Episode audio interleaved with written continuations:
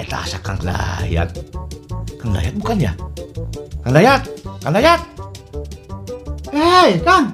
Eh, Kang Dani itu ya? Iya saya Dani. Oke, ya ya ya ya. Kang Dayat mau ke mana? Lapar, Kang. Lapar. Lapar ini. Pantesan pucet gitu. Bener lapar nih. Ayo ikut saya aja deh ke Colenak. Ah, pas itu.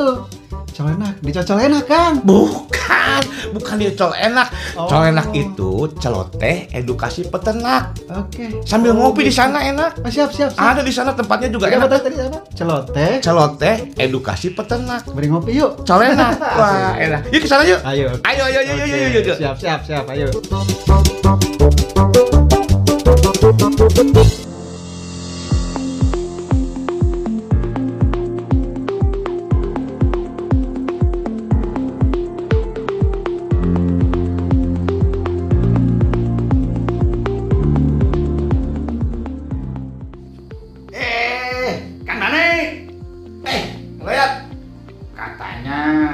Pulang dari Kalimantan. Iya nih Kang Dayat nih. Aduh. Oleh-olehnya mana tuh? Ya ada oleh-oleh nih tapi Kang Dayat. Aduh, oleh-olehnya pertanyaan.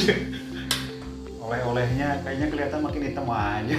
Ya, kemarin teh saya kemarin keliling Kang Dayat ke rumah ya terpaksa lah kalau kita berkunjung ke daerah itu Ah, ya insya Allah saya banyak teman Oh lah. iya dong. dan kebetulan teman saya ini kemarin teh ngeluh Kenapa? biasa kalian nih oleh-olehnya oleh-olehnya nih ya Oleh-olehnya ya. oleh-olehnya teh pertanyaan Kang Dayat jadi gini kemarin teman saya itu dia teh berusaha untuk menetaskan telur telur ayam Oh, telur ayam. Kira telur kita. Kang Leat, ini kebetulan Kang Leat minta oleh-oleh nih pertanyaan nih Kang Leat. Ini teman saya. Leat kan dokter binatang. Kang, kemarin teman saya teh bikin penetasan telur ya. Mesin tetas. Mesin, mesin tetas, ada mesin tetas, pakai Oh. mesin tetas. Bukan di apa namanya teh di ram Diramkan pakai teh, induknya. Namun telurnya teh, endoknya teh kalau udah pas hari biasanya kan kalau hayam mah kan 21 hari ya Ya, betul. ini tuh nggak pernah nggak pernah meletas Menetas ya. ada retak tapi nggak telus teh anjing Oh. ada juga yang ini kok nggak netas netas gitu loh ini gimana kang Dani? Cina gitu. Aduh saya mah datang teh mau bersilaturahmi malah disuruh nanya kayak gini nih ya Apa? Senang juga lah saya juga. ini kang Dayat. Kumaha eta kang Dayat? Jadi malah ini bagaimana memilih telur tetasnya Ya. kemudian mungkin di mesin tetasnya seperti Ada apa kemungkinan itu juga karena telurnya. telurnya ya bisa Tapi sepertinya kalau di dalam uh, penetasan secara garis besar yang menentukan keberhasilan ataupun uh, kegagalan itu ya ada dua faktor menurut saya. Yang pertama itu dari telurnya. Oh telurnya juga bisa Awas, bukan telur. Oh, telur. Kita orang peternakan. Aduh, harus nih. telur. telur eh Nah, bukan Ini telur faktor pertama dari telur. Hmm. Dari telurnya ya. Yang kedua, karena tadi cerita Kang Dani itu apa eh, membuat alat penetasan Iya. atau mesin tetas, Hmm. ada kemungkinan dari mesin tetasnya. oh berarti ada dua faktor tuh mesin Ya, tetas sama telurnya sama telurnya. Nah, begini, ini kita bicarakan dulu yang telurnya. telur ya ada eh, kriteria telur ayam yang kemungkinan besar Mm-mm. mempunyai daya tetas tinggi atau bahasa atau istilah di peternakan itu namanya fertilitas. fertilitas, Fertilitas. fertilitas nah saya ingat fertilitas yang bisa yang bisa dibuahi ya gitu. Yang dibuahi. oh yang dibuahi yang dibuahi Oh. lah. Jadi, nah, ulas sedikit ya. ya Telur ayam itu ada dua macam. oh Ada telur tetas, telur tetas ada telur konsumsi. telur dimakan Heeh. Kalau telur tetas itu adalah telur yang dihasilkan dari proses perkawinan. atau bahasa genetika mah pembuahan teh. Oh. Gitu.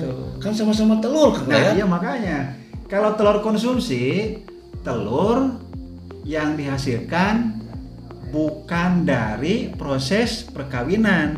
Bukan untuk di, bukan khusus pembuahan. ya, khusus telur konsumsi. Makanya kalau telur tetas itu diperoleh dari yang dari colena Kemarin ya? eh, yang kemarin tuh yang perbibitan, Ah, iya. colena volume, volume 10. Iya. Nah, itu telur yang dihasilkan dari breeding, pembibitan. Pembibitan ya. Karena memang khusus untuk menghasilkan telur tetas. Oke. Kalau telur konsumsi itu biasanya telur yang dihasilkan dari ayam petelur. Ayam yang memang untuk bertelur tapi bukan untuk ditetaskan. Ya betul. Makanya ada dua macam. Makanya eh, meskipun ya meskipun telur konsumsi juga ada yang berasal dari telur tetas tapi yang apkir Oke. dikonsumsi ceritanya. Pak ini mah telur ayam kampung. Beli Iya. di pasar nggak bisa. Kan dia habis. Nah, itu jadi satu kendala ya. Kalau kita beli di pasar, kita kan tidak bisa memastikan bahwa telur yang dijual di pasar itu apakah dari proses perkawinan atau bukan. Oh. Kan sekarang banyak peternak yang melihara ayam kampung khusus bertelur aja. Ada ya? Pejantannya ya. Ya iya karena ayam mah biar nggak ada pejantan Iya. bertelur ya. Bertelur. Oh iya ya. Bertelur. Ya seperti ya lawan kita kan Bertelur. siklus. ya. Iya. Nah, kita eh, balik lagi tentang kualitas telur tetas. Hmm. Pertama nih ya, dari proses eh, pengumpulan, Oke. apa istilahnya ya, collecting, apa? Ya, collecting, pengu- mengu- mengumpulkan. mengumpulkan. Nah, pengalaman saya nih, eh, jangan sampai lebih eh, proses ya, waktunya atau lamanya mengumpulkan telur, jangan sampai lebih dari tujuh hari. Oh itu di peternakannya ya? Ya. Di kandang di kandang. Ya, ya. ini telur yang akan ditetaskan di mesin tetas ya, Ya. bukan diramkan di induknya. Ambil dari kandang nih ya? Ya, ngambil di kandang. Jadi telur kita ambilin 1 sampai 7 hari. Oke. Di- dikumpulkan dulu. Iya. Hari ke-8 baru Hari masuk ke-8. ke mesin tetas.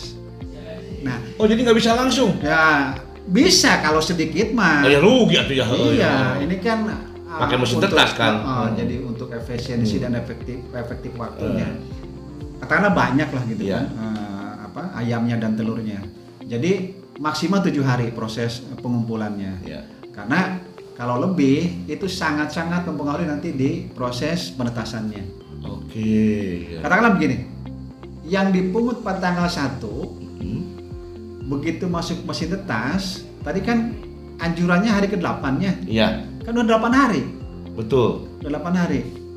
Nah itu udah udah beda lagi kualitasnya dengan yang menetas pada tanggal 7 misalnya. Iya ya. Nah. Wah, um- umur umur Nah, telurnya itu ya. Betul. Jadi khawatir katakanlah yang yang mengumpulkannya di awal Iya. itu di proses penetasannya nanti terlalu tua. Oh. Kalau terlalu tua nanti settingan suhunya nggak sesuai dengan keinginan si telurnya gitu loh. Oh, Nah, di di mesin penetasnya itu ya, ya. betul. Misalnya yang yang hari pertama harusnya suhunya uh, minta 37 atau 38 ini sudah apa uh, udah terlalu tua nih yang yang tadi ngambil tanggal 1. Iya. Jadi sangat dianjurkan pengumpulan telur maksimal 7 hari lah. Tujuh hari ya. Hari ke-8 masuk Ya. ke mesin tas ya. Itu dari uh, proses uh, Pengumpulan. pengumpulan. Kemudian yang mempengaruhi juga adalah uh, bentuk telur. Bentuk Bentuk telurnya. telur, ya, bentuk telur. Yang normal, yang normal itu adalah oval. Oval ya. Oval. Lonjong, tapi nggak Ya, terlalu lonjong. lah. Oval ya, oval. Jadi kalau pakai ukuran itu kalau panjang apa, panjang itu satu, ininya tiga perempat. Dia eh, Apa sih istilahnya ya. Ini horizontal, ini yang vertikal ke bawah Ya, ke atas. Kalau misalnya itu apa namanya? dari mengukurnya dari ujung yang Iya. agak melancip dan agak yang, ada rongga, rongga udara. udara. Oke. Nah itu lagi mempengaruhi juga cara menyimpan telur pas eh, proses Pengumpulan. Jangan sampai terbalik. jangan sampai si rongga udara tuh di bawah. Oh, jadi harus di atas ya? Heeh, jadi Kan yang, kayak- yang lancipnya di bawah, ya, mungkin. Yang- yang tumpulnya di atas, yang ada rongga udara itu kan tumpul biasanya. Iya, iya. Nah itu di atas. Jadi nyimpennya kan ada di rak-rak telur tuh. Iya, heeh. Jadi ada lubang-lubang itu, jadi yang lancipnya di yang lancipnya bawah. di bawah, Oke. yang eh, tumpulnya di atas Iya. atau yang ada rongga udaranya Udaranya di, di atas. Nah, itu. Jadi udah ada berapa tuh ya tadi? Pengumpulan, Pengumpulan, bentuk- penyimpanannya juga, penyimpanannya, eh, kemudian bentuknya. kemudian ukuran dari telurnya itu oval Ukuran, itu. ya. Eh, Kemudian eh belum bentuk tadi oval. bentuk ya bentuk. eh. Tuh. Udah ada ukuran. Nah sekarang ukuran. Ukuran itu harus normal sesuai dengan eh, induk ayamnya. Ukuran harus sesuai dengan induk ayamnya. Hanya standar lah. Standar ya. Contoh, telur ayam eh, Bangkok akan sangat berbeda ukurannya dengan ayam Arab. Oh iya, gede atau emang. Gede ayam ya. Bangkok mah. Telurnya eh salah salah bukan telur, telur. ayam Arab mah apa kecil. Malah kadang-kadang Kebalik ya kalau ayamnya Arab kecil ya. Biasa gede-gede ya. Kang. Aduh. Bingung saya dia kenapa Arab kecil? Mungkin telurnya kecil. Kecil. Telur Pak telur. Eh telurnya kecil, alat reproduksi yang gede. Gede. Jadi itu artinya besar kecilnya tergantung eh, bibitnya. Iya. Apa bangsa ayamnya? Bangsanya ayamnya. Bangsa ayamnya. Misalnya begini. Biasanya rata-rata berat telur tuh di kisaran 40-45 gram ayam kampung ya. Iya, Ayam kampung atau ayam eh, KUB lah. iya. Ayam kampung, ayam KUB itu kurang lebih 40 sampai 45 gram per butir. Itu rata-rata ya. Eh, itu di at- kalau saya perhatikan ukurannya tuh di atas eh, ukuran telur ayam Arab, di bawah ukuran telur ayam Bangkok, ayam pelung juga Iya. relatif besar ya. Besar pelung. besar. Tapi kalau seperti sentul, ayam sentul, ayam cemani, MKUB ayam lah ya. kampung, ayam KUB itu relatif sama. Iya. Relatif sama. Jadi kisaran 40-45 gram per butir. Jadi nanti kalau kita pas ngoleksi ada ukurannya mahiwal, Mahiwal teh naon Kang Dayak? ukurannya tidak standar lah. Oh, tidak standar. Tidak standar. Beda ada yang lain Nah, gitu. Itu lebih baik dikaling, nah, disingkirkan, Disingkirkan. saja. Disingkir. Nah, itu Sortir ya, sortir. Sortir. Eh, Sortir. Itu untuk konsumsi tadi lah. Ya. Oh bisa ya? Bisa. Padahal itu untuk tetas tapi kalau begitu bisa dikonsumsi. Konsumsi, ya. Jadi dikaling saja karena pengalaman saya Untuk minum ja jamu, Hmm. jamu kuat. Gak kuat. Jadi eh, apa dipaksa pun, eh dipaksakan pun, eh dipaksa pun Untuk ditetaskan. kadang-kadang tidak menetas. Kalau yang ukurannya lebih besar atau lebih kecil dari standar. Iya. Kadang-kadang juga ditemukan ukuran telur eh, yang lebih besar itu kuning telurnya dua.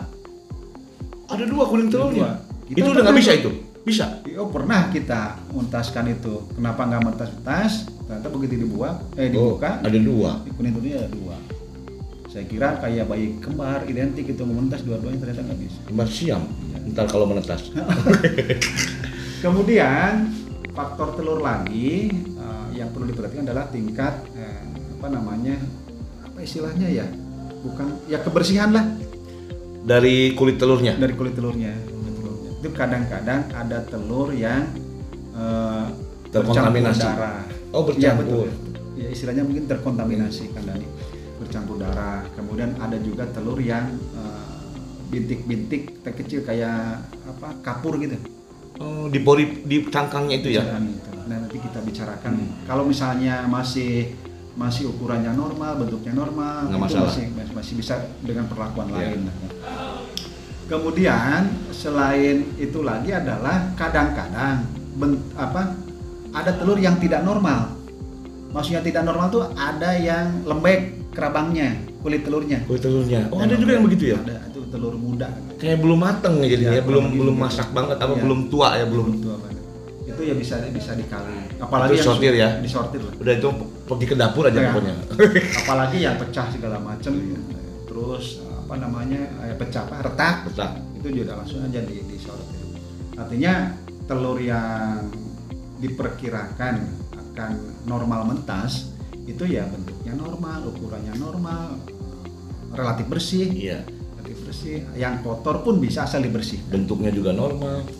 Oke, sekarang kita sekalian lah tentang kebersihannya. Iya.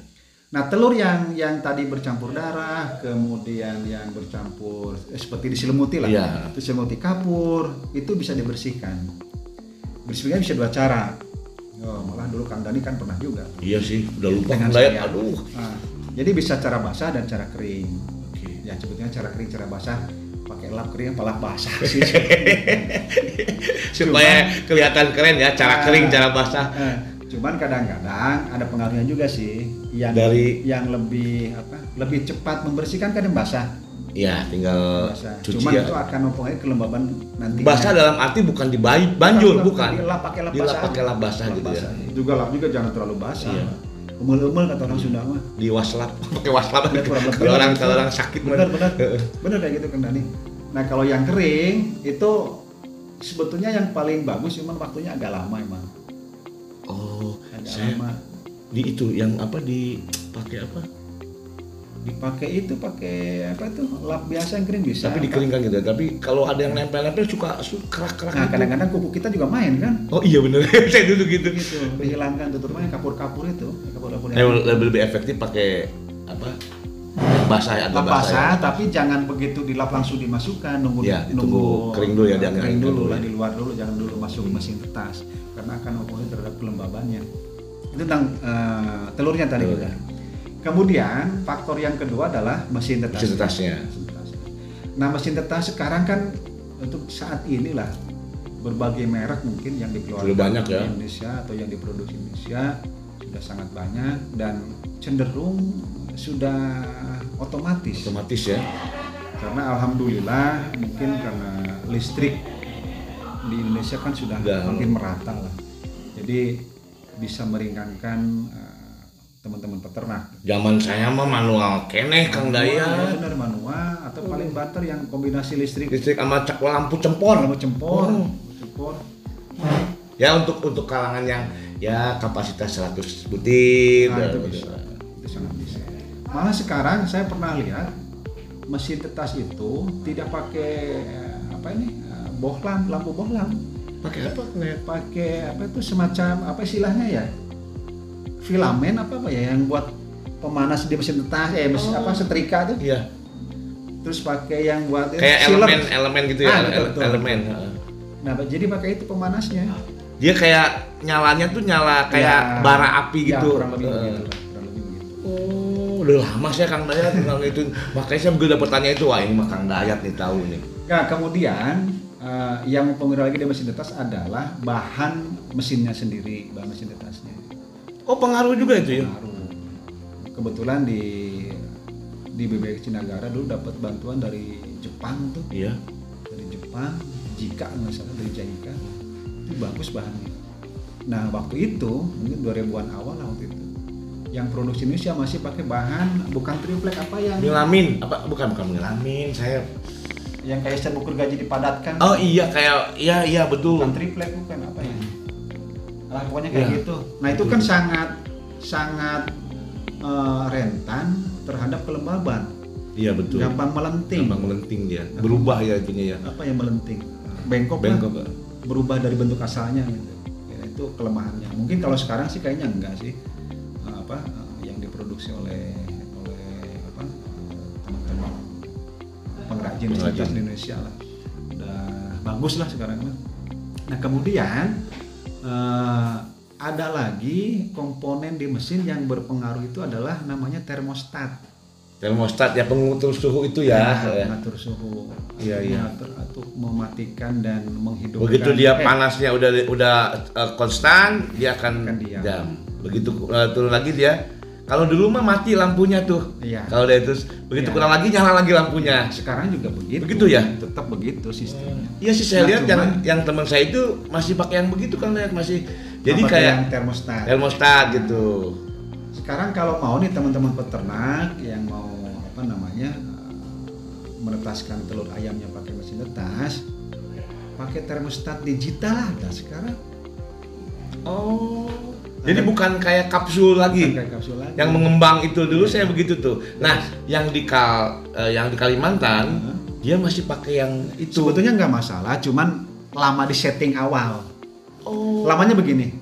untuk menentukan suhu standar suhu mesin tetas kan ada standarnya Iya. antara 37 38 derajat Betul, Celcius Celcius. atau 100 derajat Fahrenheit ya itu kan lama tuh ngukurnya Mesti supaya stabil di situ supaya konstan ya. ada pengaturnya tuh Eh. nah, lama aja di situ Berarti kalau kita pakai mesin tetas yang baik yang otomatis belanjanya itu berarti kita harus perhatikan suhu dulu. oh iya harus itu Jadi harus konstan dan settingan itu harus tahu ya. ya, ya. Ya, selain komponen termostat tentunya kadang-kadang nih teman-teman peternak saya juga suka kadang lupa itu suka lupa menyimpan alat eh, penampung air Di- jadi di dalam mesin tetas apa pun biasanya Ya, ada benar. untuk menampung air di, di dasar mesin tetas itu kelembaban untuk Nah. kelembaban. Saya pakai baki itu. Ah, iya, baki. betul. Ada pakai lap basah. ah betul pakai lap supaya basahnya agak Iya. lama lah nah Berarti itu memang itu juga sangat Jadi dua faktor itu suhu dan kelembaban itu sangat juga mempengaruhi terhadap proses penetasan. aduh keberhasilan tuh ya prestasi Ya, menetasnya ya. Aduh Kang Dayat nih, Kang Dayat nih, ada nggak yang masih yang selain faktor-faktor tadi, ada nggak yang eh, yang paling harus kita juga krusial selain kelembaban sama suhu tadi ya Kang Dayat ya? Ada. Ini sebelum sebelum ke sana ya. Lupa tadi saya. Ini apa tentang eh, peneropongan atau bahasa Oh yang pakai senter teh ya Kang Dayat? Nah. Saya biasa pakai senter baterai boleh nyala. sih. Pakai buku digulung-gulung, Oh, oh. simpen apa cooling ya? Eh cooling apa? Handling ah. Handling. Ah, jadi jangan jangan lupa nih teman-teman peternak pada hari keempat sampai dengan hari ketujuh, tapi tidak harus 4, 5, 6, 7. Mm. Hari keempat boleh, hari kelima boleh, hari keenam boleh, hari ketujuh boleh. Itu ah, boleh dikatakan ah, harus wajib lah dilakukan candling atau ya. Jadi untuk nah ini maksudnya adalah untuk mengetahui apakah telur itu bertunas apa tidak. Tidak. Itu sangat sangat kentara sekali, sangat jelas sekali kalau dilihat dengan diteropong.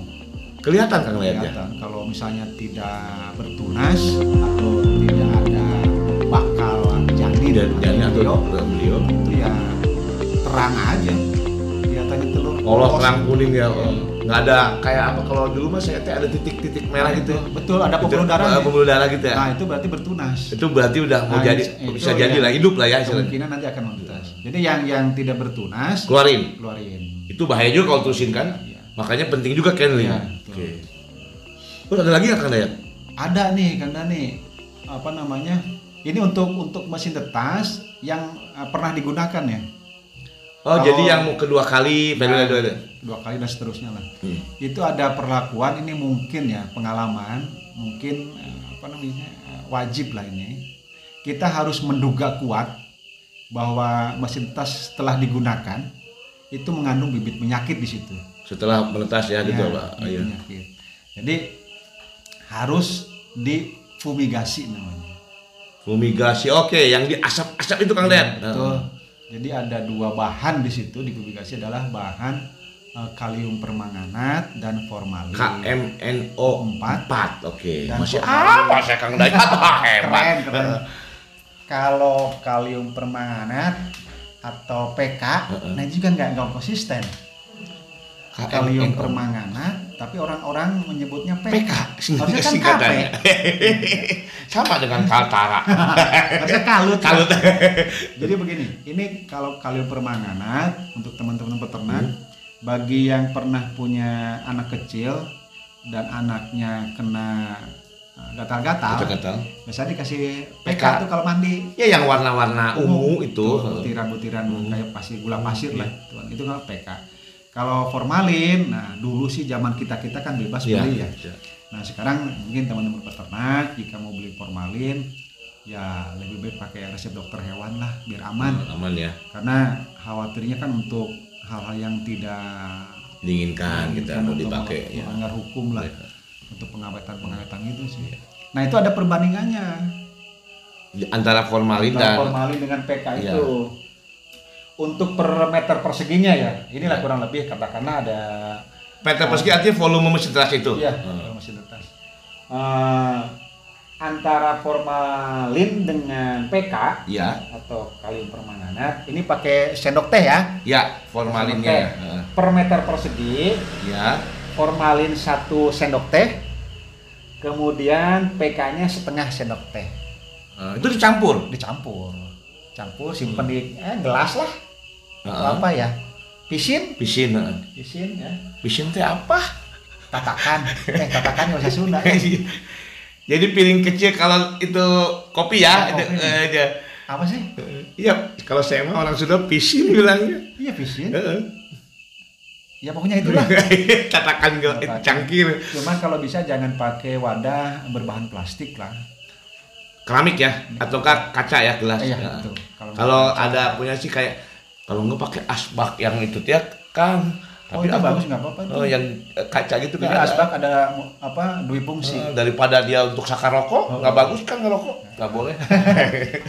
bisa pakai itu jadi perbandingannya ini pakai sendok teh ya Satu sendok teh eh, formalin, formalin setengah sendok teh fu- uf- eh, PK. PK-nya itu. udah campurkan saja nah nanti akan keluar gas Itu di dalam mesin Eh, tetasnya ya? ya gas atau uap Dimasukin di Iya, mesin iya, tetasnya? di dalam mesin tetasnya tuh kemudian ditutup rapat ya rapatnya relatif Per meter persegi ya patokannya ya. Jadi hitung aja kita tinggal Hitung aja itu sendiri Oh, nanti kalau 3 meter eh, lo lebih Ya, gede berarti berarti tinggal kali.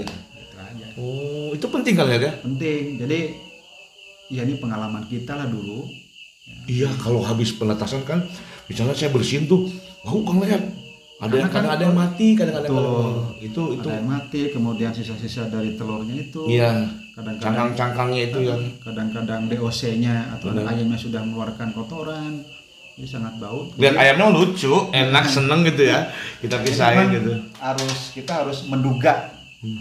harus menduga bahwa mesin tas yang Habis dipakai. atau habis dipakai Oh, harus oke. diformalin Wah, ini penting ya, Bro.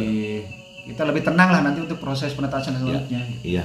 saya kira itu Kang Dani jadi suhu dan kelembabannya harus betul-betul dijaga makanya eh, saya kira murah sih yang yang apa nih, termostat digital juga nggak terlalu mahal Iya. Belum Berarti dia udah kelihatan ya itu. itu, apa. seperti yang punya apa punya kandang ada di BK Cinagara tuh itu kan ada alat pengukur su- suhu Iya.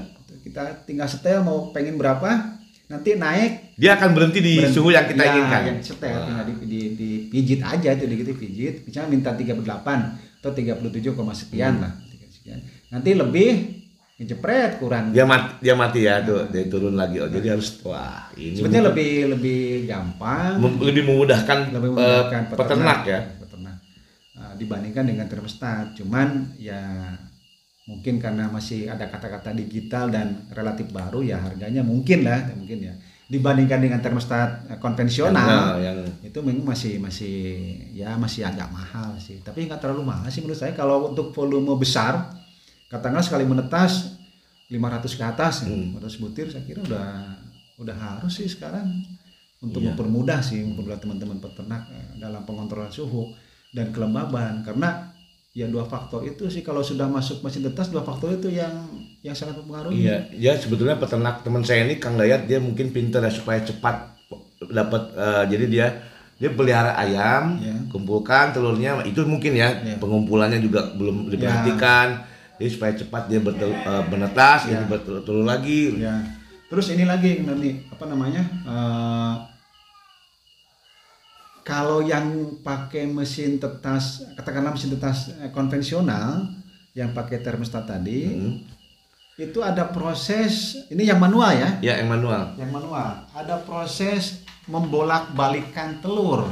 Ya, ya saya ingat. Ya kan? Jadi pada umur sekian nih Ya. dibalik. Nah, di telurnya juga dikasih tanda kan? Iya, betul. Ditanda supaya Plus. eh, eh, sana min Ini udah dibalik nih, ini, udah dibalik jadi eh, ya sa- satu eh ini di rata-rata pukul rata-rata aja lah pukul rata-rata dari eh, usia penetasan pertama sampai kurang lebih 18 hari itu ya harus Harus bolak-balik. bolak-balik terus nanti eh, menginjak hari ke-19 sudah berhenti diberhentikan membolak-balik Iya, itu juga kadang-kadang itu yang manual kurang diperhatikan nah juga. itu kalau kalau kita kadang-kadang telat kalau telat dibalikin aja ya. ya biasanya itu mempengaruhi Iya. eh, apa proses menetasnya kalau pakai induk ayam kan tiap hari dia Iya, dikuer-kuer. jadi di dibalik-balik sama Ah. kalau kita ngelihat eh, sifat tingkah laku induk ayam, ya kita makanya mesin tas itu Iya. adalah eh, bagaimana tingkah laku, kemudian suhu juga harus sama dengan induk Betul, ayam. betul. makanya sekarang ada lagi eh, istilahnya timer lah. Timer Ya, untuk timer. menggerakkan rak telurnya. Yang otomatis itu ya. Nah, bisa Ya. disetting lah setiap berapa jam sekali membulak-balik. Membulak-balik apa? eh, menggerakkan rak. Seolah-olah itu dia membulak-balik telur. Betul. Membulak-balik telur. Jadi bisa pakai yang timer. Iya. Kalau nggak ada ya harus kita sendiri yang bolak-balik. Cuman kelemahannya kalau sudah misalnya di atas seribu Ngebalikin mana? kalau sendiri kan lumayan dulu Iya. kita seribu aja berapa jam Iya, kalau dulu kan ada yang dari pinggir Kang Dayat tuh. Nah, Beda, itu ada nah, yang itu manual tetap- tapi itu kita manual tapi, tapi, kita ringan, ringan. jadi pakai tuas lah Tuas ya, di dikembali samping itu dibalik. ada tuas untuk membalikan Balikan. jadi kalau Karena udah kalau kapas- yang Kapasitasnya udah banyak butirannya. karena kalau yang mungkin puluhan ratu di bawah 500 kan raknya yang dicabut keluar Iya. baru kita balik-balikan gitu. tapi kalau yang udah seribuan ke atas itu biasanya dimodifikasi oleh si pengrajin eh, mesin tetasnya itu pakai tuas Tuas. udah lumayan berat. Untuk membalikan raknya itu. Bukan membalik menggerakkan lah. Menggerakkan. Wah sekarang mah banyak Kang Dayat ya yang udah modern ya, yang udah apa eh, otomatis. Kemudian kadang-kadang yang kapasitas 200 butir juga udah nanti udah tinggal pakai otomatis Iya. saya lihat. saya kira sekarang yang alat-alat timer sederhana sudah banyak juga sih di di apa di online market online Udah banyak ya marketplace online. saya lihat sudah banyak. Wah ini Kang Dayat. Jadi saya tadi wah mudah-mudahan nih Kang Dayat nih nanti saya akan kontak Iya. dia bagaimana pengumpulan telurnya, kemudian penyimpanannya, kemudian dibersihkan, kemudian dibersihkan. dan juga jangan lupa perhatikan itunya eh, apa mesin tetasnya. Dan kalau misalnya dia otomatis, kita harus settingnya benar betul eh, di suhunya. Iya. Kemudian jangan lupa rak, nih rak apa? Rak air. Air. rak air Dengan itu untuk menjaga Oh iya, kelembaban. biasanya harus disimpan itu disimpan di dalam termometer termometer juga ya untuk, Untuk kontrol kita. untuk kontrol.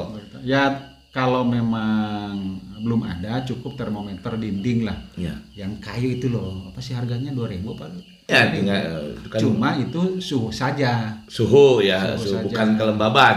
tidak ada uh, ukuran kelembabannya kalau mau lebih lebih bagus lagi yang pakai apa hi- hygrometer Ya. jadi bisa membaca suhu dan membaca kelembabannya Mungkin juga teman saya kemarin mungkin itu yang belum perhatikan. Atau begini Kang Dani, jangan-jangan teman Kang Dani ini beri beli Telurnya? telur tetasnya atau telurnya lah dari luar, yang tidak tahu bukan bukan dari eh, apa produksi ayamnya dia gitu loh.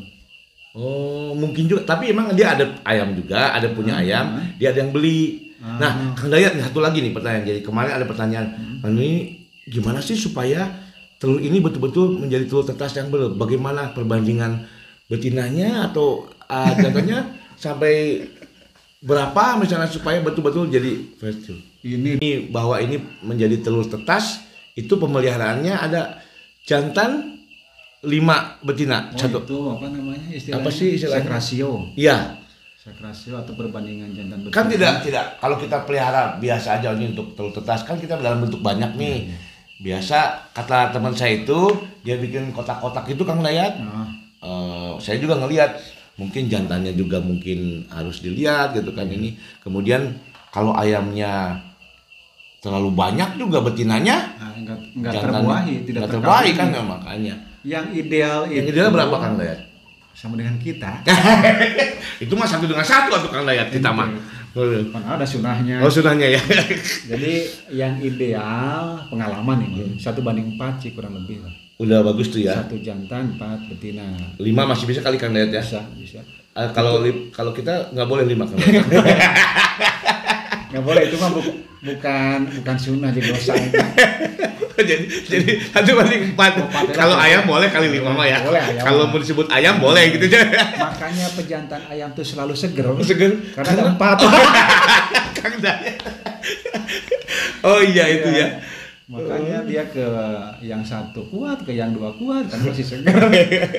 Begini, kalau misalnya perbandingan betinanya, katakanlah satu banding 8 misalnya, itu apa namanya eh, fertilitasnya akan rendah. rendah ya itu mungkin pengaruh juga kan Kang kalau dia beli misalnya nggak tahu juga Apalagi Ada- nggak tahu. eh, mungkin pilihan oh ini produksi telur tetas tapi cara pemeliharaannya salah Salah, iya. nah, makanya mungkin Kalau satu banding tiga, satu banding dua, itu sangat bagus, cuman mahal. mahal jadinya nanti kan Kan biasanya harga pejantan tuh relatif mahal. Iya.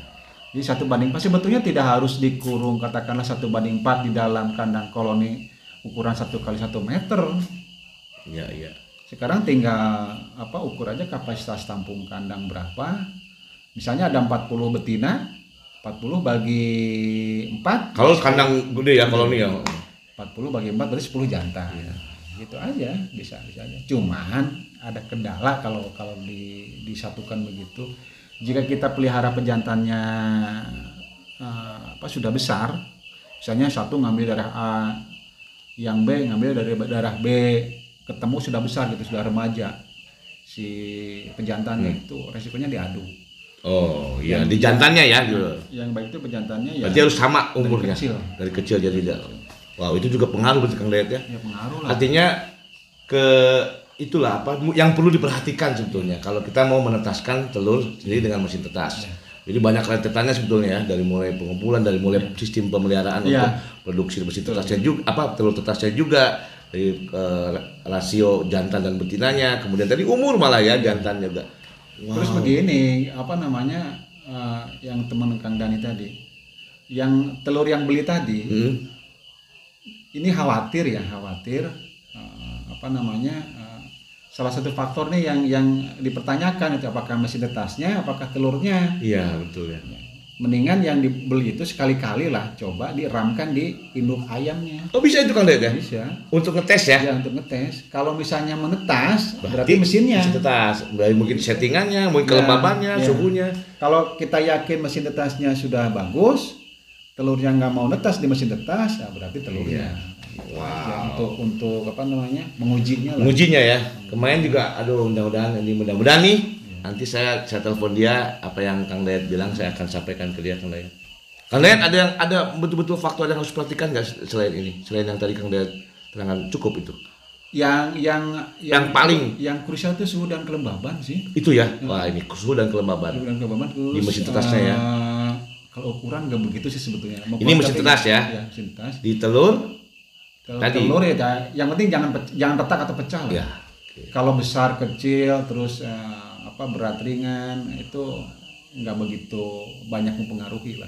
Yang sangat mempengaruhi adalah tadi di mesin tetasnya oke suhu dan kelembaban itu.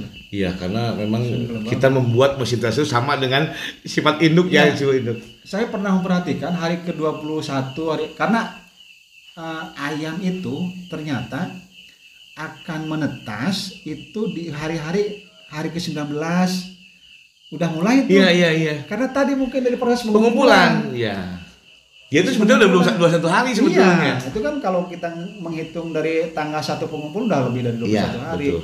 Nah, ini kadang-kadang dijumpai ayam nih eh, kerabannya atau kulit telurnya sudah retak. Mm-mm. Tapi kelihatan ayam kok sulit sekali keluar. keluar Nah, itu salah satu tanda itu kelembabannya terlalu kering. Telur rendah, telur rendah tidak lembab lah. tidak lembab ya Itu ada kemungkinan bak airnya air tuh nggak- ada tuh. Kering tuh, kering. Udah pasti itu. Itu udah pasti. jadi kita harus perhatikan itu ya, ya tetap tambah air lagi tambah Jadi eh, dua hal, dua hal eh, yang harus diperhatikan di mesin tetasnya, suhu dan kelembaban kelembaban. wow ini mudah Kalau suhunya nggak mau stabil terus ya berarti termostatnya harus rusak. Itu aja. Ini di tesnya kok nggak mau stabil, nggak mau apa namanya? nggak mau konstan ya Ah, nggak, betul, nggak mau konstan berarti termostatnya. termostat wow satu lagi Sebetulnya nggak ribet-ribet amat sih. nggak nggak nggak Ya dua faktor mungkin teman saya kan ini baru nyoba kang Daya Ah, itu. jadi kan nanti Itu aja tadi dicoba di coba ya induk, di, diramkan dulu di diramkan di induk ayamnya. wah ini benar. dan juga tentunya yang tadi seklatio ya sama satu banding empat lima Pengen sih. jangan kang Layat jangan Pensiun. Halo Kang Led, nunggu ini Kang Led. Iya, iya, Kita sama-sama, ngobrol. sama-sama, Kang Dani. Aduh, tapi saya kok belum dikasih kopi Kang Led ya. Iya, ah, nggak bawa oleh-oleh kopi sih dari sana. dari Iya, Kalut, eh Kalut. Kaltara. Kaltara, Kaltara, eh, Kaltim. Iya Kang Dayat, uh, juga kemarin salam sama teman-teman di Kaltim katanya. Terima kasih. Waalaikumsalam. Salam buat Kang Dayat. Mudah-mudahan Colenak ini terus berkibar dan memberikan informasi yang Iya nih, eh, harusnya colenak ada kopi ya. Kopi ya, beli dua aja beli dua. Sumaklum kita kan ini ya, Ya, bukan di rumah habis- ya. kita habis ngobrol, ngobrol. kita beli. Kopi. kopi. Ayo Kang Dayat, nuhun ya Kang Siap, Dayat. sama-sama, sama-sama Kang Dani. Assalamualaikum. Waalaikumsalam.